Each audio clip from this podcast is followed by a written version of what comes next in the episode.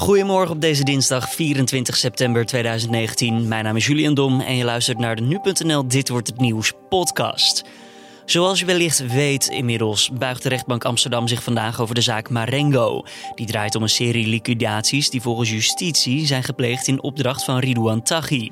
Vanwege de liquidatie op advocaat Dirk Wiersum vorige week woensdag is besloten om deze zitting besloten te houden. Dat moet een hele bizarre setting zijn, denk ik, voor iedereen die daar is. Weet je wel, van we verzamelen ons gewoon weer, het gaat weer verder, terwijl een collega van ons uh, is doodgeschoten. Rechtbankverslaggever Joris Peters hoorde je. Straks meer met hem over deze steeds complexer wordende zaak. Eerst kort ander nieuws van nu.nl. Vliegtuigfabrikant Boeing betaalt de families van slachtoffers van twee dodelijke ongelukken met het 737 MAX-toestel ruim 130.000 euro als schadevergoeding. Rechtshebbenden kunnen tot 1 december hun claim indienen. Het gaat om families verspreid over 35 landen. Verschillende advocatenkantoren hebben ondertussen wel al namens nabestaanden al bijna 100 rechtszaken aangespannen tegen het bedrijf. Wereldwijd staan alle 737 MAX-toestellen aan de grond na ongelukken in Indonesië en Ethiopië. Daarbij kwamen in totaal 346 mensen om het leven. Sinds de ongelukken probeert Boeing het softwareprobleem dat deze ongelukken veroorzaakte op te lossen. Frankrijk, Duitsland en het Verenigd Koninkrijk houden Iran verantwoordelijk voor de aanval op de Saoedische olieinstallaties van vorige week. Eerder wezen de VS en Saudi-Arabië zelf ook al in de richting van Iran. Zelf ontkent het land alle betrokkenheid bij deze aanval. Over bewijs werd niet gesproken door de drie Europese landen. De aanvallen zijn eerder opgeëist door Houthi-rebellen, die door Iran worden gesteund en vechten in de Jemenitische burgeroorlog. Maar volgens Saudi-Arabië kwamen de raketten uit het noorden en daarmee dus uit de richting van Iran en niet vanuit Jemen in het zuiden. Door de aanval waarbij drones en raketten zijn gebruikt, ging een olieveld in Saudi-Arabië in vlammen op. Als gevolg daarvan heeft het Saoedische staatsoliebedrijf Saudi Aramco de olieproductie gehalveerd. In 2018 werd er in Nederland voor het eerst in negen jaar tijd meer vlees verbruikt dan in het jaar daarvoor. Per persoon ging het vorig jaar om 77,2 kilo tegenover 76,6 kilo in 2018. Dat zegt dierenrechtenorganisatie Wakker Dier op basis van onderzoek van Wageningen Economic Research. Bij deze cijfers is handig om te vertellen, gaat het om het karkasgewicht, dus inclusief de botten. De onderzoekers zeggen dat als vuistregel geldt dat ongeveer de helft feitelijk geconsumeerd wordt als vlees en vleeswaren. De oorzaak van de stijging is niet geheel duidelijk. Vleesverkopen in de supermarkten zijn namelijk gedaald, maar stijgende uitgaven in de horeca zouden een verklaring kunnen zijn. Vijf personen hebben onlangs officieel het Nederlanderschap teruggekregen en zijn ook geen ongewenste personen meer. Volgens RTL Nieuws en de NOS gaat het om jihadisten. Een woordvoerder van het ministerie van Justitie en Veiligheid kan dat echter nog niet aan nu.nl bevestigen. De Raad van State besloot in april dat twee mannen onterecht hun Nederlanderschap verloren hadden nadat zij zich hadden aangesloten bij strijdgroepen in Irak en Syrië. Op het moment dat ze actief werden bij de groepen waren deze organisaties namelijk nog niet verboden verklaard. En dan Virgil van Dijk. Hij heeft niet de prijs voor wereldvoetballer van het jaar op het FIFA-gala gekregen. Die eer ging naar de Argentijnse Lionel Messi. Messi, de aanvaller van FC Barcelona, werd maandag in Milaan voor de zesde keer onderscheiden. Desondanks was het toch al eventjes geleden voor Messi. Hij mocht de prijs namelijk voor het laatst in 2015 in ontvangst nemen. De Argentijn werd afgelopen seizoen landskampioen met FC Barcelona en pakte met Argentinië brons op de Copa America. Naast Messi en Van Dijk was ook Cristiano Ronaldo genomineerd. Die won onder meer de Nations League met Portugal, dat in de finale met 1-0 won van Nederland. Nou, ondanks dat Van Dijk niet won, heeft de Nederlander toch een prachtig seizoen achter de rug. Hij won met Liverpool de Champions League en in de Premier League eindigde de Reds als tweede achter Manchester City. En verder werd hij tot speler van het jaar verkozen in Engeland en eerder deze maand mocht hij zich ook nog de beste voetballer van Europa noemen. Dan gaan we naar het nieuws van deze dag, de zaak Marengo. De rechtbank in Amsterdam buigt zich vandaag daarover, ondanks dat de hoofdverdachte Ridouan Taghi nog altijd voortvluchtig is. Voor zowel de pers als belangstellenden is het pech, want de zaak vindt plaats achter gesloten deuren. Dat vanwege de liquidatie van strafrechtadvocaat Dirk Wiersum vorige week woensdag. Wiersum stond kroongetuige Nabil B. bij. En dat is de kroongetuige die inmiddels al meerdere verklaringen over Taghi heeft afgelegd. René van der Brink ging over deze zaak wederom in gesprek met rechtbankverslaggever Joris Peters. En normaal praten we met hem over een zaak die hij ook die dag zal bijwonen. Maar omdat pers en belangstellenden er dus nu niet bij aanwezig mogen zijn, vroeg Carné aan Joris wat betekent dat voor hem als rechtbankverslaggever. Nou ja, ik bedoel, uh, balen denk ik wel wat het goede woord is. Ik bedoel, even los van, van het begrip wat ik er wel voor op kan brengen, is het natuurlijk wel een heel, hele belangrijke zaak. En helemaal met de laatste trieste, zeer trieste ontwikkelingen. Uh, had ik daar wel bij willen zijn, ja. Ja, en jouw collega John van de Heuvel van de Telegraaf uh, zat vorige week bij Jinek om te praten over deze beslissing van de rechtbank. En hij zei eigenlijk, ik begrijp het wel dat de rechtbank nu geen pers en publiek toelaat. Deel jij deze mening? Nou, niet helemaal. Ik vind het antwoord een beetje tweeledig, want ik bedoel, de, de argumentatie heb ik nog niet gehoord dat schijnt vandaag, hè, ze gaan het ook nog met de andere procespartijen over hebben, met OM en met de advocaten. Uh, en dan wordt er eigenlijk toegelicht waarom dit niet gebeurt. En wat tot nu toe is verteld van. Hè, het heeft met de versheid van de moord op Dirk Wiesen te maken, een van de advocaten in dit proces.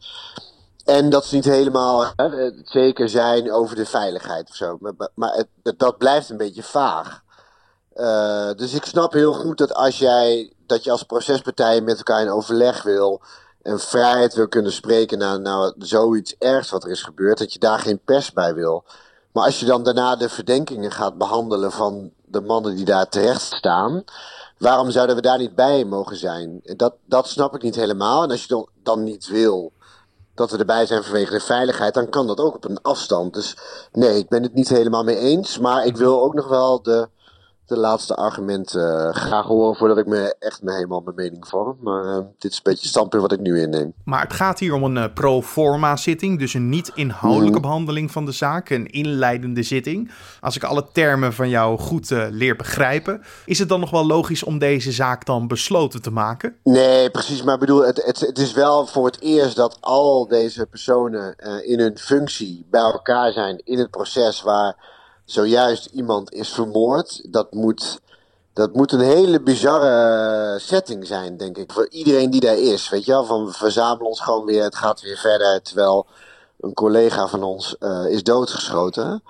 Dus vanuit dat oogpunt snap ik het wel. En dan, en dan kan de inleidende zitting ook prima besloten zijn. Maar waarom niet deels besloten? Weet je wel, bijvoorbeeld waarom niet donderdag openbaar en ga dan verder. Maar goed. Ja, de vaderlandse persorganisaties die hebben gisteravond ook uh, gereageerd. Uh, het genootschap van uh, hoofdredacteuren onder andere. Hoe, ja. hoe, hoe, klonk hun besluit? Nou ja, kijk, zij, zij hadden hetzelfde een beetje. Hè, zo, van, van waarom, mogen, waarom mag de media daar niet bij aanwezig zijn? En is er wel goed nagedacht over alternatieven? En eigenlijk met het, de reactie die zij hebben gekregen... is eigenlijk hetzelfde wat al vrijdag in dat persbericht werd verspreid. Zo van we weten gewoon nog niet de implicaties van, van deze moord. En, en uh, de, de veiligheid, hè? Wat, heeft, wat, wat zijn de gevolgen? Dus ja, heel veel qua inhoudelijk zijn we niet meer mee opgeschoten. Maar goed, ze hebben begrip getoond en gezegd had volgens mij ook anders gekund. Maar goed, daarmee is het voor nu even klaar. Ja, het gaat natuurlijk allemaal om uh, het proces tegen Redouan Taghi en zijn uh, vermeende criminele organisatie. Ja. Uh, in deze zaak is co-getuige Nabil B. natuurlijk zeer belangrijk. Hoe zal hij nu in zijn schoenen staan nadat uh, zijn advocaat Dirk Wiersum uh, vorige week is uh, geliquideerd? Ja, dat vind ik een hele moeilijke vraag om te beantwoorden, omdat ik het gewoon echt niet weet. Weet je, ik kan daar alleen maar. Ja, bedoel, als we gewoon even de feiten bespreken, dan is één zijn broer vermoord, dan waarschijnlijk omdat dat hij verklaring is afgelegd. En nu is een advocaat doodgeschoten. Hè? Nabil B. heeft niet met heel veel mensen contact, maar met zijn advocaat bijvoorbeeld wel. Dus ja, snap je, er wordt gewoon weer een persoon uh, uit zijn buurt wordt vermoord. En hij weet het ook. Hè? Hij weet heel goed tegen wie die aan het getuigen is. Even, we weten natuurlijk niet of Riedeman Taghi hierachter zit. Um, maar hij heeft al gezegd van hij weet hoe, sterk die organisatie is en hoe vreed uh, Taghi kan zijn. Dus ja, dit moet voor hem een, eh, een hele vreemde en bizarre positie nu zijn, ja. Nou, want even voor de duidelijkheid, mensen die misschien zijn vergeten. Vorig jaar was er eh, de aanslag op zijn, zijn broer, de dodelijke aanslag, wat een, een vermoedelijke wraakactie was? Ja, voor, voor de verklaringen die hij heeft afgelegd. Ja, dat is wel het scenario waar iedereen, waar het Openbaar Ministerie van uitgaat. Uh, Het wordt hem overigens niet te lastig gelegd hoor, Tachi. Dus wat dat betreft hm. is daar onvoldoende bewijs voor. Maar dat is wel wat ze vermoeden, ja. Want bestaat er een kans dat uh, Nabil B. zegt uiteindelijk... Uh, voor jongens, er zijn te veel rare dingen om mij heen gaande op dit moment. Uh, de ene na de ander wordt geliquideerd om mij heen. Ik leg mijn getuigenis, mijn kroongetuigenis, naast mij neer. Ik, ik, ik wil er niks meer mee te maken hebben. Kan dat? Mm, nou, hij zou ermee kunnen stoppen, maar dan, dan is de vraag hoe verstandig dat is. Want dan verlies je in principe ook de bescherming van de overheid. Dus hij kan wel. Kijk, zijn verklaringen die hij afgele heeft afgelegd, die blijven. Hè? Daar heeft hij, dus die, die worden niet in één keer niks meer waard, of die worden niet in één keer ingetrokken. Het, het is alleen wel. De verdediging wil Nabil B. natuurlijk ook horen over zijn verklaringen. Uh, en daarmee worden ze ook hè, sterker of niet sterker. Dus als hij daar niks meer over wil zeggen dan zou dat voor het Openbaar Ministerie wel lastiger worden, zou ik zeggen. Dan is zijn verhaal alleen maar zijn verhaal zonder commentaar daarop. Uh, kan hij dat doen? Dat, ja, hij kan het doen. Uh, is het verstandig? Ja, dat weet ik niet. Wat, wat ik net al zei, je verliest een, uh, de bescherming van de overheid. Precies. Eh, want begin deze maand waren ook verhalen dat B de samenwerking met justitie zou hebben stopgezet. Of dat, dat idee zou die hebben gehad. Uh, dat waren geruchten. Maar weet je al iets meer over de achtergrond van de, van de verhalen? Had het te maken met zijn veiligheid bijvoorbeeld? Nou ja, eh, op wat, wat ik merk is dat op dit moment uh, het heel moeilijk is om informatie in te winnen over dit proces. Ik spreek genoeg met advocaten en andere partijen, maar iedereen uh, wil hè, of de record wel dingen tegen je zeggen, maar eigenlijk gewoon voor de rest willen ze liever hun mond dicht houden. En dat heeft allemaal met de gevoeligheid te maken van dit proces, weet je wel. Dus dan, ik, ik heb dat gewoon nog niet rond kunnen krijgen. Het is een verhaal wat de Telegraaf heeft gebracht. En John Heuvel uh, heeft, zegt dat heel stellig. Dus waarom zou ik hem dat niet uh, geloven? Maar van mijn kant uh, heb ik daar geen bevestiging van gekregen. Nee, want waar denk je dat in deze zaak, in dit proces, dan nu de focus op ligt? Het verhaal rondkrijgen of op zoek gaan naar een nieuwe advocaat? Waar denk je dat nu de focus op ligt? Mm, nou, ik denk eventjes uh, elkaar ook in de ogen aankijken en even zeggen van jongens, hoe gaan we hiermee verder? Weet je wel, wat gaan we doen om dit proces goed te laten verlopen op een juiste manier? Uh, hoe voelt iedereen zich? Snap je dat? Dus wat dat betreft, als, als je dat besloten doet, snap ik heel goed. Maar dit, ja, dit is natuurlijk een bizarre wending dat, dat we niet kennen. Dus ja, daar moet even over gesproken worden. En daarna komen zakelijke dingen als een advocaat. Nou, we hebben, we hebben Peter Schouten, de advocaat, die zichzelf al heeft gemeld dat hij het graag zou willen doen. Uh, en dat wordt op dit moment wel besproken, maar dat moet Nabil B. zelf ook maar nog even uh, willen. En de heer Schouten zei inderdaad ook van, ik ben niet de enige die moet opstaan. Laten wij als collega's allemaal opstaan om een nieuwe advocaat voor Nabil B. te vinden, inderdaad. Dus dat, dat is ook wel opmerkelijk dat hij zo uh, het voortouw neemt in deze Nou ja, zaak. hij wilde eigenlijk ook wel een soort van statement maken. Dus hij, nou, hij zei tegen anderen van, meld je ook aan, hè? Dat misschien is dat een pool uit waar ik kan kiezen, maar vooral laten zien... weet je wel, van kom op man, we, laten ons niet gek maken en we laten ons niet tegenhouden. Dit proces moet doorgaan. hij heeft recht op verdediging. En ik ben bereid die risico's uh, te nemen die, de, die daaraan vastzitten. Ja, ja, twee zittingsdagen. Vandaag en eind van de week. Ja. Uh, kunnen we iets verwachten van de loop van deze zittingsdagen? Of is het echt koffiedik kijken omdat de deuren voor ons gesloten zijn? Ja, het is heel lastig. ik ben zelf van plan, uh, ik ga gewoon die kant op. En ik wacht af of daar nog wat gebeurt. En dat heeft alles te maken met. S ochtends zal besproken worden. En moet dan eigenlijk nog de definitieve beslissing vallen. Omdat alle partijen nog aan het woord moeten komen. Uh, en wat ik ook weet is dat er ook een persbericht uitgestuurd zal worden. Over wat die uh, uitspraak is. En, en, en, welke argumenten daar aan ten grondslag liggen. Uh, verder. de kans is trouwens groot dat het gewoon besloten blijft. Dus de kans dat er verder nog iets uitkomt is, is klein. Helder. Dankjewel voor de uitleg, rechtbankverslaggever Joris Peters in gesprek met collega Carné van der Brink. Dan ook nog even de nieuwsagenda voor deze dinsdag. Het Britse Hoge Rechtshof doet uitspraak over de rechtmatigheid van schorsen van het parlement door premier Boris Johnson. Vorige week oordeelden de hoogste rechters in Schotland dat de stap van de premier illegaal was. Critici van de premier stelden namelijk dat de parlementariërs door de schorsing minder tijd zouden krijgen om over de naderende brexit te debatteren. Verder bespreekt de Tweede Kamerfractie van de VVD opnieuw de in opspraak geraakte Wieberen van Haga. Het bedrijf van het Kamerlid heeft regels overtreden bij een renovatie van een monumentaal pand in Haarlem. De VVD'er kwam eerder onder vuur te liggen vanwege het overtreden van de huurregels in Amsterdam. Daarna beloofde hij zich niet langer direct met zijn bedrijf te bemoeien, zolang hij in ieder geval Kamerlid is. En in het Engelse Yorkshire doen drie Nederlandse wielrensters een gooi naar het wereldkampioenschap tijdrijden. Annemiek van Vleuten, Anne van der Breggen en Lucinda Brandt rijden vanaf tien over half vier 30 kilometer over een heuvelachtig parcours. Van Vleuten verdedigt haar titel opnieuw, want de afgelopen twee jaar was ze al de snelste. Dan het weer voor deze dinsdag. Ochtends kunnen er in het westen wat buien voorkomen. En later trekt de bewolking verder over het land, waarna ook de rest van Nederland te maken kan krijgen met wat water vanuit de lucht.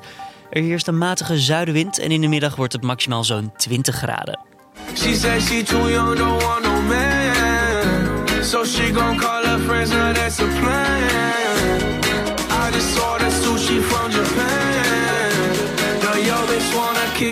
I sushi.